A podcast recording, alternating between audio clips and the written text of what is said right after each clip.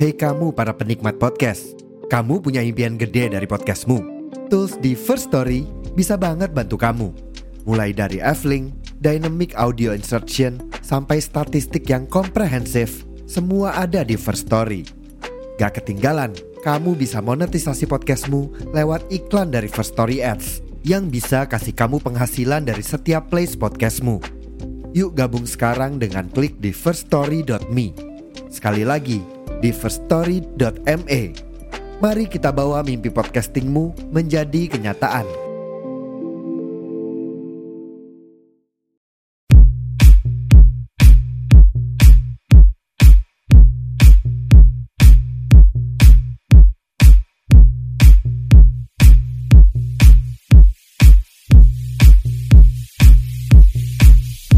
Assalamualaikum Bu Ibu. Selamat akhir bulan. Semoga nggak mengkis-mengkis ya nafasnya Ngatur keuangan sampai bulan ini berakhir Dan ketemu bulan yang baru. Eh, tapi ada juga ya Bu Ibu yang baru payday nih Justru di tanggal 25an gitu. Wah ini nih saatnya atur-atur pos-pos pengeluaran apa aja uh, Tagihan-tagihan yang harus segera dibayar ya dan apa pun keadaannya, mudah-mudahan Bu Ibu selalu diberi limpahan rejeki sampai tujuh turunan dan tujuh tanjakan. amin, amin ya robbal alamin ya. Jangan lupa juga ucapkan kata-kata baik, kata-kata penuh syukur, kata-kata yang mencerminkan kebaikan diri supaya apa? Supaya kebaikan dan berkah itu juga selalu mengalir pada kita.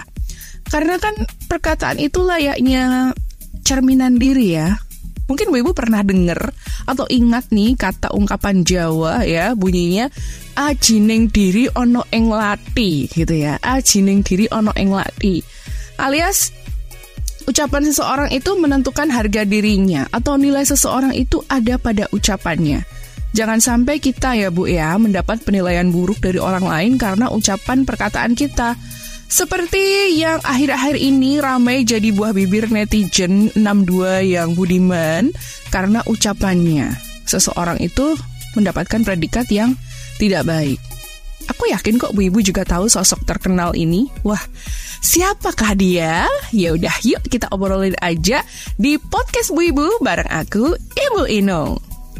Podcast Bu Ibu. Podcast Bu Ibu by Ibu Inung. Podcast Bu Ibu by Ibu Inung.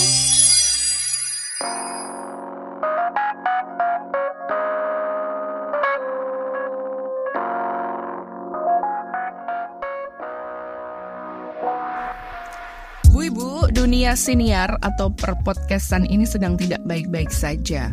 Bukan karena ada kasus podcastnya seseorang yang dikecam atau dibidik untuk dibredel gitu ya.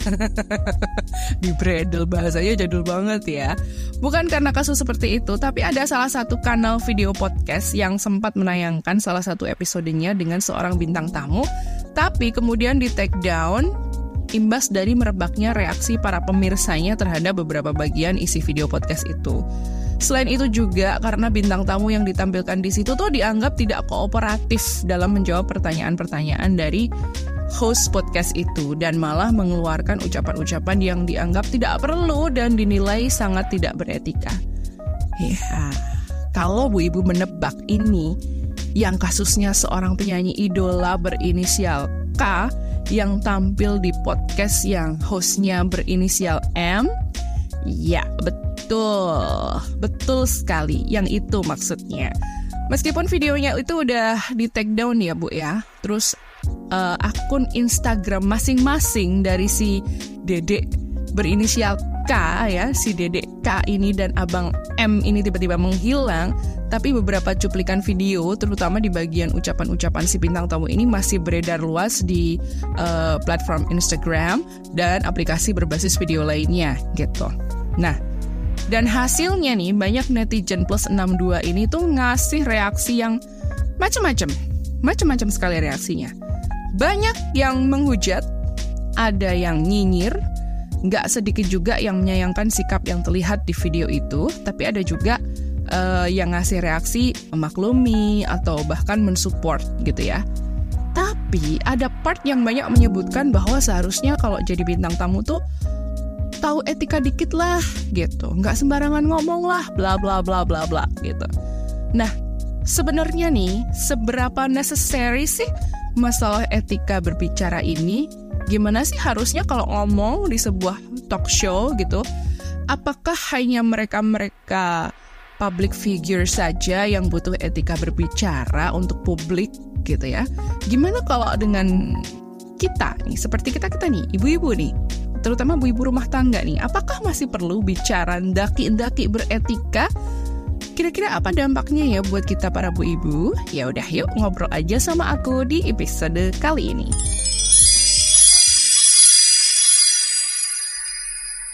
Bu Ibu, kalau Bu Ibu udah sempat nonton video podcast dari host berinisial M, tentu Ibu tahu part-part mana saja ya obrolannya dia dengan si bintang tamu Dedek K ini yang udah mulai nggak enak buat didengar dan dilihat gitu. Ada beberapa bagian yang menampilkan si Dedek K ini menjawab dengan bahasa entah apa itu yang jelas terdengarnya seperti kayak gitu ya. Dan justru tidak menjawab pertanyaan yang dilontarkan oleh host. Lalu di part yang lainnya gitu ya, si Dedek K ini mengatakan kata-kata yang dinilai nggak sopan gitu. Entah maksudnya bercanda atau ngeledekin si hostnya ini, atau malah justru ada keseriusan di dalam perkataan tersebut. Dedek K ini kemudian uh, oleh pemirsa ya, oleh orang-orang yang menonton video itu dianggap nggak sopan, nggak beretika, nggak pernah nerima PR training, bahkan uh, hostnya sendiri juga bertanya, eh lo nggak pernah nerima PR training apa kayak gitu. Nah, imbas dari video tersebut, DDK ini dapat aneka reaksi yang kebanyakan berupa komentar nyinyir dan hujatan dari netizen ya, hingga akhirnya akun IG-nya itu menghilang gitu. Dan meskipun nggak separah DDK, reaksi yang beraneka ragam juga diterima sama uh, si M ini ya host podcast itu dan kemudian diketahui akun akun IG-nya pun juga menghilang gitu. Well, Bu Ibu, banyak sisi yang bisa kita obrolin dari kasus ini anyway. Pertama, soal kenapa kok si DDK ini bisa berlaku kayak gitu ya di saat dia jadi bintang tamu sebuah podcast dialog kayak gitu.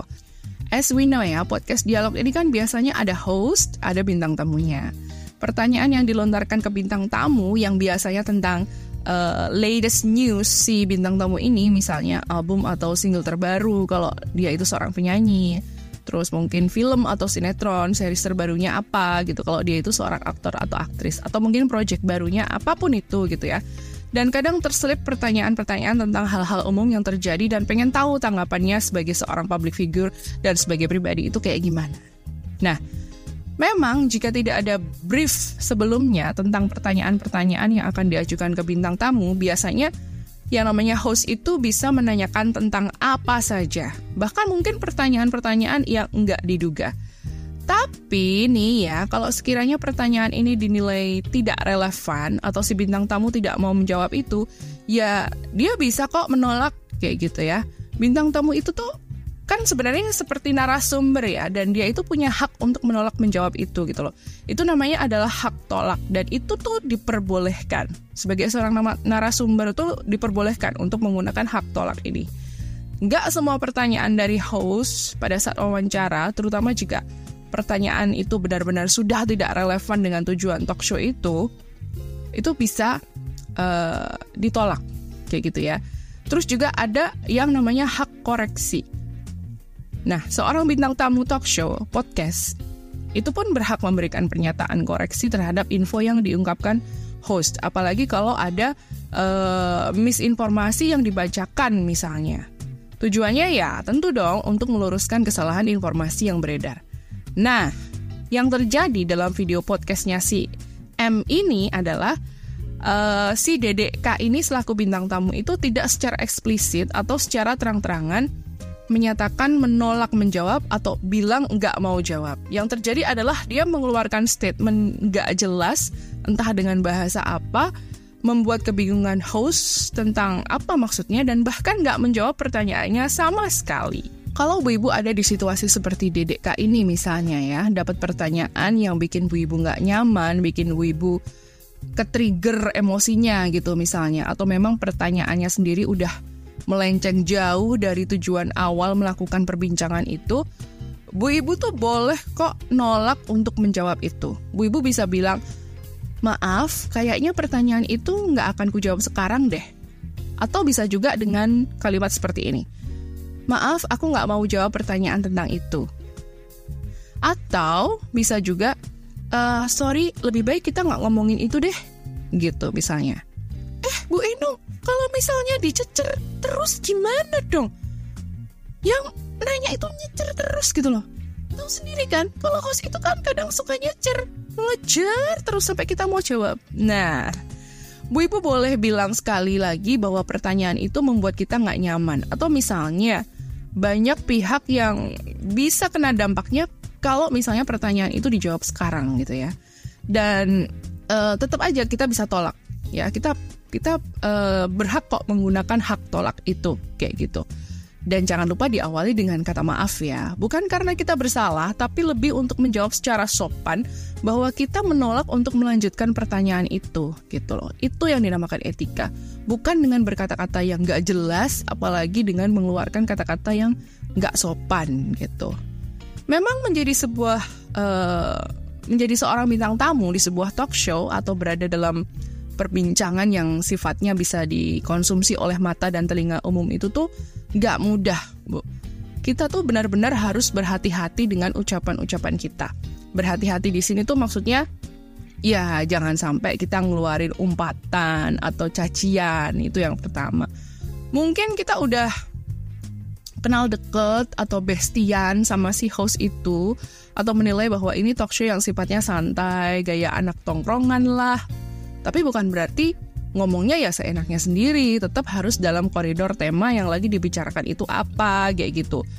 Dan kalau memang hostnya sendiri bikin nggak nyaman selama prosesnya berlangsung gitu ya, misalnya hostnya itu terlalu ngatur atau terlalu nyecer atau terlalu judging gitu ya, kita tuh sebenarnya bisa kok mendiskusikan itu gitu kan. Atau kalau perlu bicarakan dulu di awal gitu sebelum uh, talk show itu dimulai bahwa selama talk show itu berlangsung gitu ya, tidak mau ada judgement apa pun selama talk show itu uh, selama prosesnya itu berlangsung kayak gitu. Jangan sampai ketika kita menjawab A untuk pertanyaan A, kemudian si host itu memberikan judgement kepada kita kayak gitu.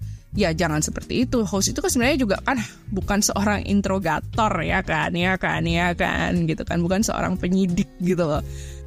Anyway, menjadi host itu bukan perkara gampang juga loh Bu Ibu. Mungkin Bu Ibu penikmat podcast ngelihatnya gampang itu mah tinggal kita tanya-tanya aja si bintang tamunya dapat jawaban bagus langsung dinaikin, ditayangin, dipublish gitu. Ya, nggak juga Bu gitu. Jadi host itu pun ada etikanya gitu. Bagaimana menyampaikan pertanyaan dengan jelas, nggak judging gitu ya dan tentunya sopan itu udah udah so pasti yang pertama gitu. Terus kata-kata yang disampaikan itu juga dipilih bu, nggak bisa sembarangan gitu, disesuaikan dengan latar belakang bintang tamunya terutama. Tapi ya bukan berarti terus kita bicaranya daki-daki gitu ya, full bahasa resmi seperti dalam uh, surat ke dinas pemerintahan gitu ya enggak gitu. Tapi kita pakai uh, bahasa tutur yang sopan gitu yang sesuai penggunaannya gitu. Bahkan intonasi nada suara dan kecepatan berbicara pun itu jadi sebuah seni yang memang harus di, didalami dikuasai oleh seorang host gitu. Host itu pun sebenarnya nggak boleh tersulut emosi juga karena bintang tamu ya karena host juga merupakan wajah atau representasi acara yang dia bawain gitu. Nah kemarin juga sempat ada beredar uh, potongan video podcastnya si M ini di part yang lain gitu yang memperlihatkan uh, percakapan antara si M dan si Dedek K ini ya dan kemudian memunculkan reaksi netizen yang beraneka macam yang kemudian entah seperti membela salah satu pihak kayak gitu bahwa emang sebenarnya si K ini sudah bermasalah kok dari awal gitu tapi ada juga apa uh, kubunya M aku nggak tahu ya.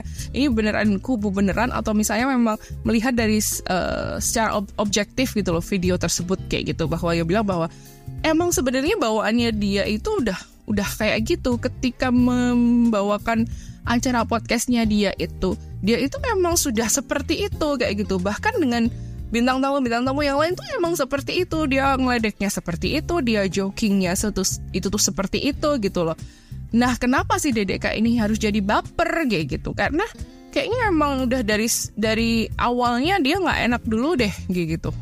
Ada masalah gitu kan.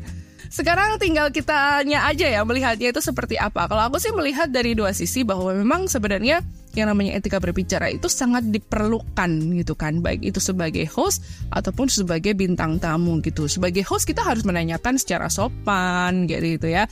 Meskipun mungkin uh, apa kita tuh ngobrolnya bukan dengan seorang pejabat, bukan dengan seorang yang duduk di pemerintahan kayak gitu, bukan. Misalnya mereka bisa punya akses mengundang para selebriti, penyanyi atau bintang film kayak gitu dan uh, biasanya kalau orang-orang yang berada di industri seperti di industri entertainment seperti itu kan ya asik-asik aja gitu ya ngomongnya bisa apa aja kayak gitu bahkan ngomongnya bisa kayak bestinya sendiri kayak gitu dengan bahasa yang lo gue lo gue kayak gitu it's fine kayak gitu tapi tetap harus ada koridor uh, tutur kata yang sopan kayak gitu.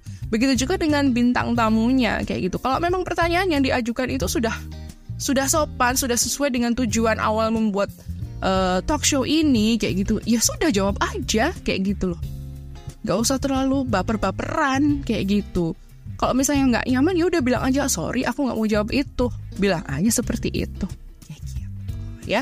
Dan memang yang namanya uh, apa namanya pengendalian emosi itu penting dari kedua belah pihak gitu ya dari host itu penting banget. Mungkin kita gregetan ya, eh ditanya kok nggak jawab-jawab sih kayak gitu kan.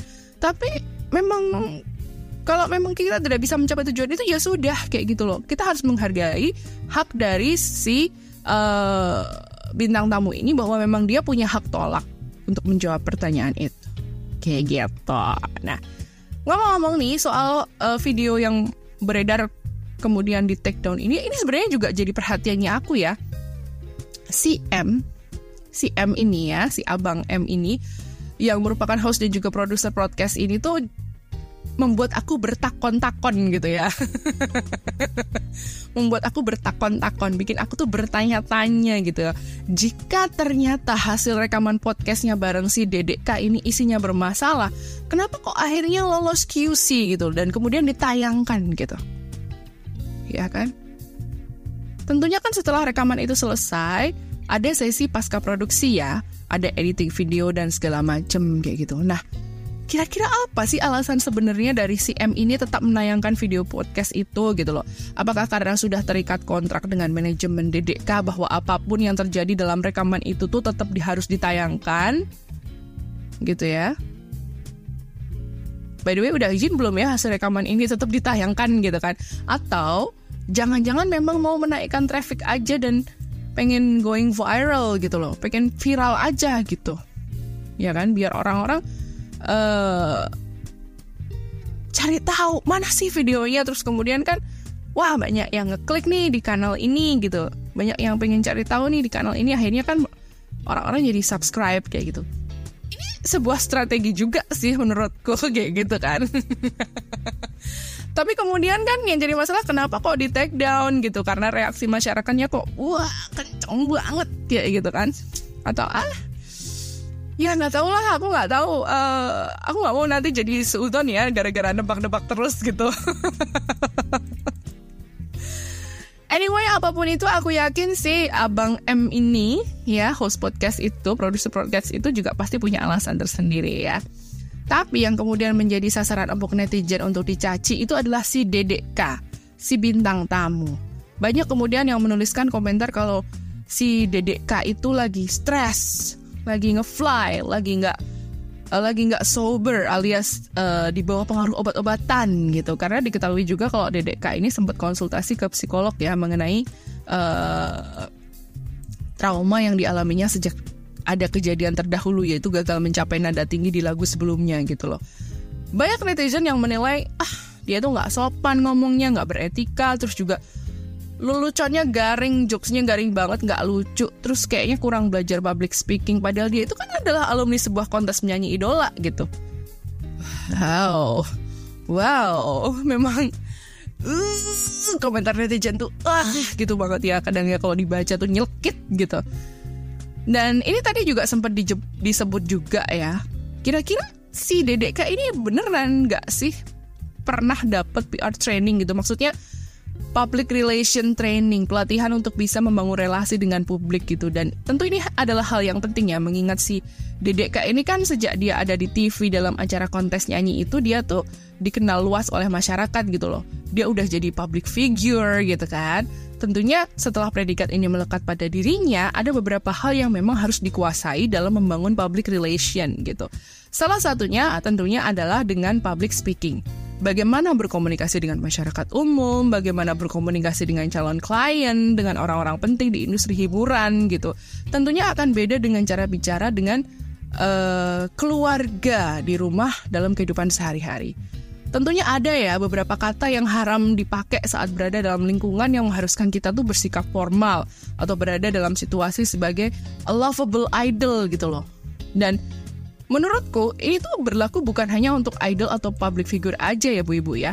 Bu Ibu nih yang setiap hari berkutat dengan urusan dapur dan beres-beres rumah pun sebenarnya juga harus menguasai ini. Hah, buat apa Bu Inung ketemu orang aja jarang? Kumpul-kumpul paling yuk sama Bu Ibu. Kalau pas arisan PKK atau pas jemput anak sekolah doang. Hei, Bu, Bu, kita itu nggak akan pernah tahu loh ke depannya kita akan bisa eksis atau paling tidak berkontribusi atas sesuatu. Gak ada salahnya dipelajari. Kalau perlu, bareng-bareng sama ibu-ibu lainnya yang sering kumpul-kumpul sama ibu itu, bisa dimulai dengan belajar uh, misalnya gimana sih kalau mis uh, sedang membuka sebuah forum gitu kan. Misalnya arisan bu ibu yang kayak bu, ibu bilang tadi gitu kan. Itu kan sebuah forum perkumpulan bu ibu kan? Openingnya tuh kalimatnya harus gimana ya? Gitu kan? Itu bisa dipelajari bersama-sama supaya tidak ya supaya tidak kaku itu aja deh alasan pertamanya ya. Lalu bagaimana caranya latihan memperkenalkan diri? Hmm, ini penting. Meskipun terdengar sepele. Ah, kenalan aja pakai diatur segala tuh Bu Inung Bu Inung eh itu perlu ya Bu ya. Karena kalau nggak diatur bisa-bisa kita itu jadi TMI ya. Too much information alias terlalu banyak informasi tentang diri kita yang kita sampaikan saat perkenalan. Atau justru malah jadi kebalikannya TLI atau too less information. Terlalu sedikit yang kita sampaikan jadi kalau perkenalan tuh apa sih? Nama? Tinggalnya di mana? Ya kan? Biasanya kalau arisan perkenalan PKK ya biasanya hmm, kerja atau enggak. Kalau kerja kerja di mana? Kemudian anaknya berapa? Biasanya kan seperti itu gitu kan? Nggak perlu sampai saya lahir di tahun ini ini ini. Nggak perlu gitu. Itu TMI gitu kan jadi memang harus diatur ditata bahasanya. Apa-apa yang akan disampaikan. Nada suara kita, intonasi kita, lantang lirihnya suara kita itu tuh diatur bu. Mungkin kita nggak butuh sekarang, mungkin kita nggak butuh sekarang, tapi siapa tahu saat putra atau putri ibu mendapat prestasi di sekolah, lalu bu ibu sebagai orang tua diminta untuk berbicara di podium tentang prestasinya, wah bu ibu sudah jauh lebih siap, ya nggak sih? Nah, Perkara etika berbicara ini dekat juga kok dengan kebiasaan yang kita lakukan di rumah. Ingat Bu, madrasah pertama untuk anak-anak adalah rumah dan ibunya tentunya ya. Kebiasaan kita berbicara pada seluruh anggota keluarga itu sedikit banyak berpengaruh pada cara kita bicara di luar rumah juga gitu ya.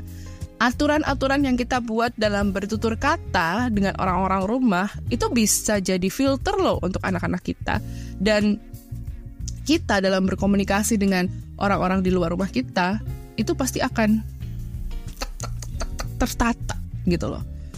Bahasa dan tata cara penyampaiannya yang kita bangun dari rumah tentunya akan berpengaruh juga pada saat menyampaikannya di depan khalayak gitu ya. Bagaimana berbicara pada orang yang lebih tua? Bagaimana berbicara dengan orang yang baru kita kenal?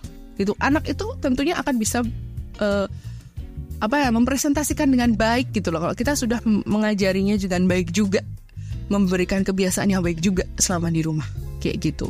Lalu gesture ya, bahasa tubuh kita itu juga jadi penunjang dalam melaksanakan public speaking.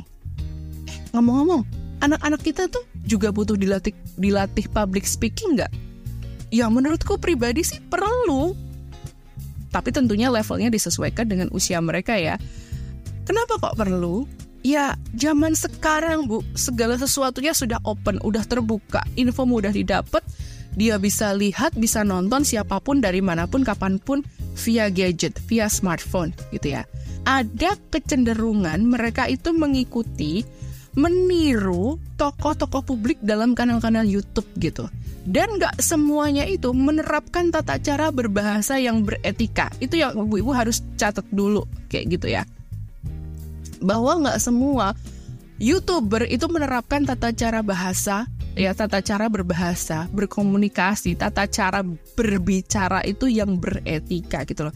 Masih banyak kita dengar kata-kata yang sebenarnya nggak perlu-perlu banget diucapkan ketika dia menarasikan sesuatu atau mengkomunikasikan sesuatu. Seperti selalu di akhir kalimat ditambahin kata jir ya anjay atau nyet gitu.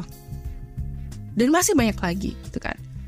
Dan kalau kita ibunya gitu kan orang tuanya nggak ngasih arahan nggak ngasih aturan dalam hal berkomunikasi dalam hal bicara dan tata bahasa bisa jadi anak-anak kita mencontoh apa yang menurut mereka itu trendy Gak usah takut dibilang gak trendy bu, karena gak semua yang trendy itu bagus dan bermanfaat buat diri sendiri gitu kan. Dan gak usah takut dicap anak kita, ah ibu tuh ribet, mama tuh ribet. Rempong amat sih, ribet amat sih ngurusin gitu doang gitu kan. Ya memang harus ribet sekarang, memang harus repot sekarang. Tapi manfaatnya akan dipetik, dirasa nanti di kehidupan mereka yang real saat mereka harus bertemu banyak orang dan membangun relasi gitu. Kita nggak boleh kecolongan ini. Unggah-ungguh ya dalam bahasa Jawa ya, kalau di masyarakat Jawa itu itu juga termasuk perkataan ucapan. Dan aku yakin di mana-mana pun pasti juga ada nilai-nilai atau norma kesopanan yang dijunjung tinggi gitu loh, termasuk dalam hal sesimpel menjawab pertanyaan. Ya, oke Bu Ibu, mudah-mudahan kita dimudahkan ya membimbing dan melatih anak-anak kita. Mungkin juga bersama Bu Ibu yang lain juga membangun citra diri yang baik lewat ucapan dan perkataan beretika dalam bicara di depan umum dan memiliki relasi dengan publik yang menyenangkan.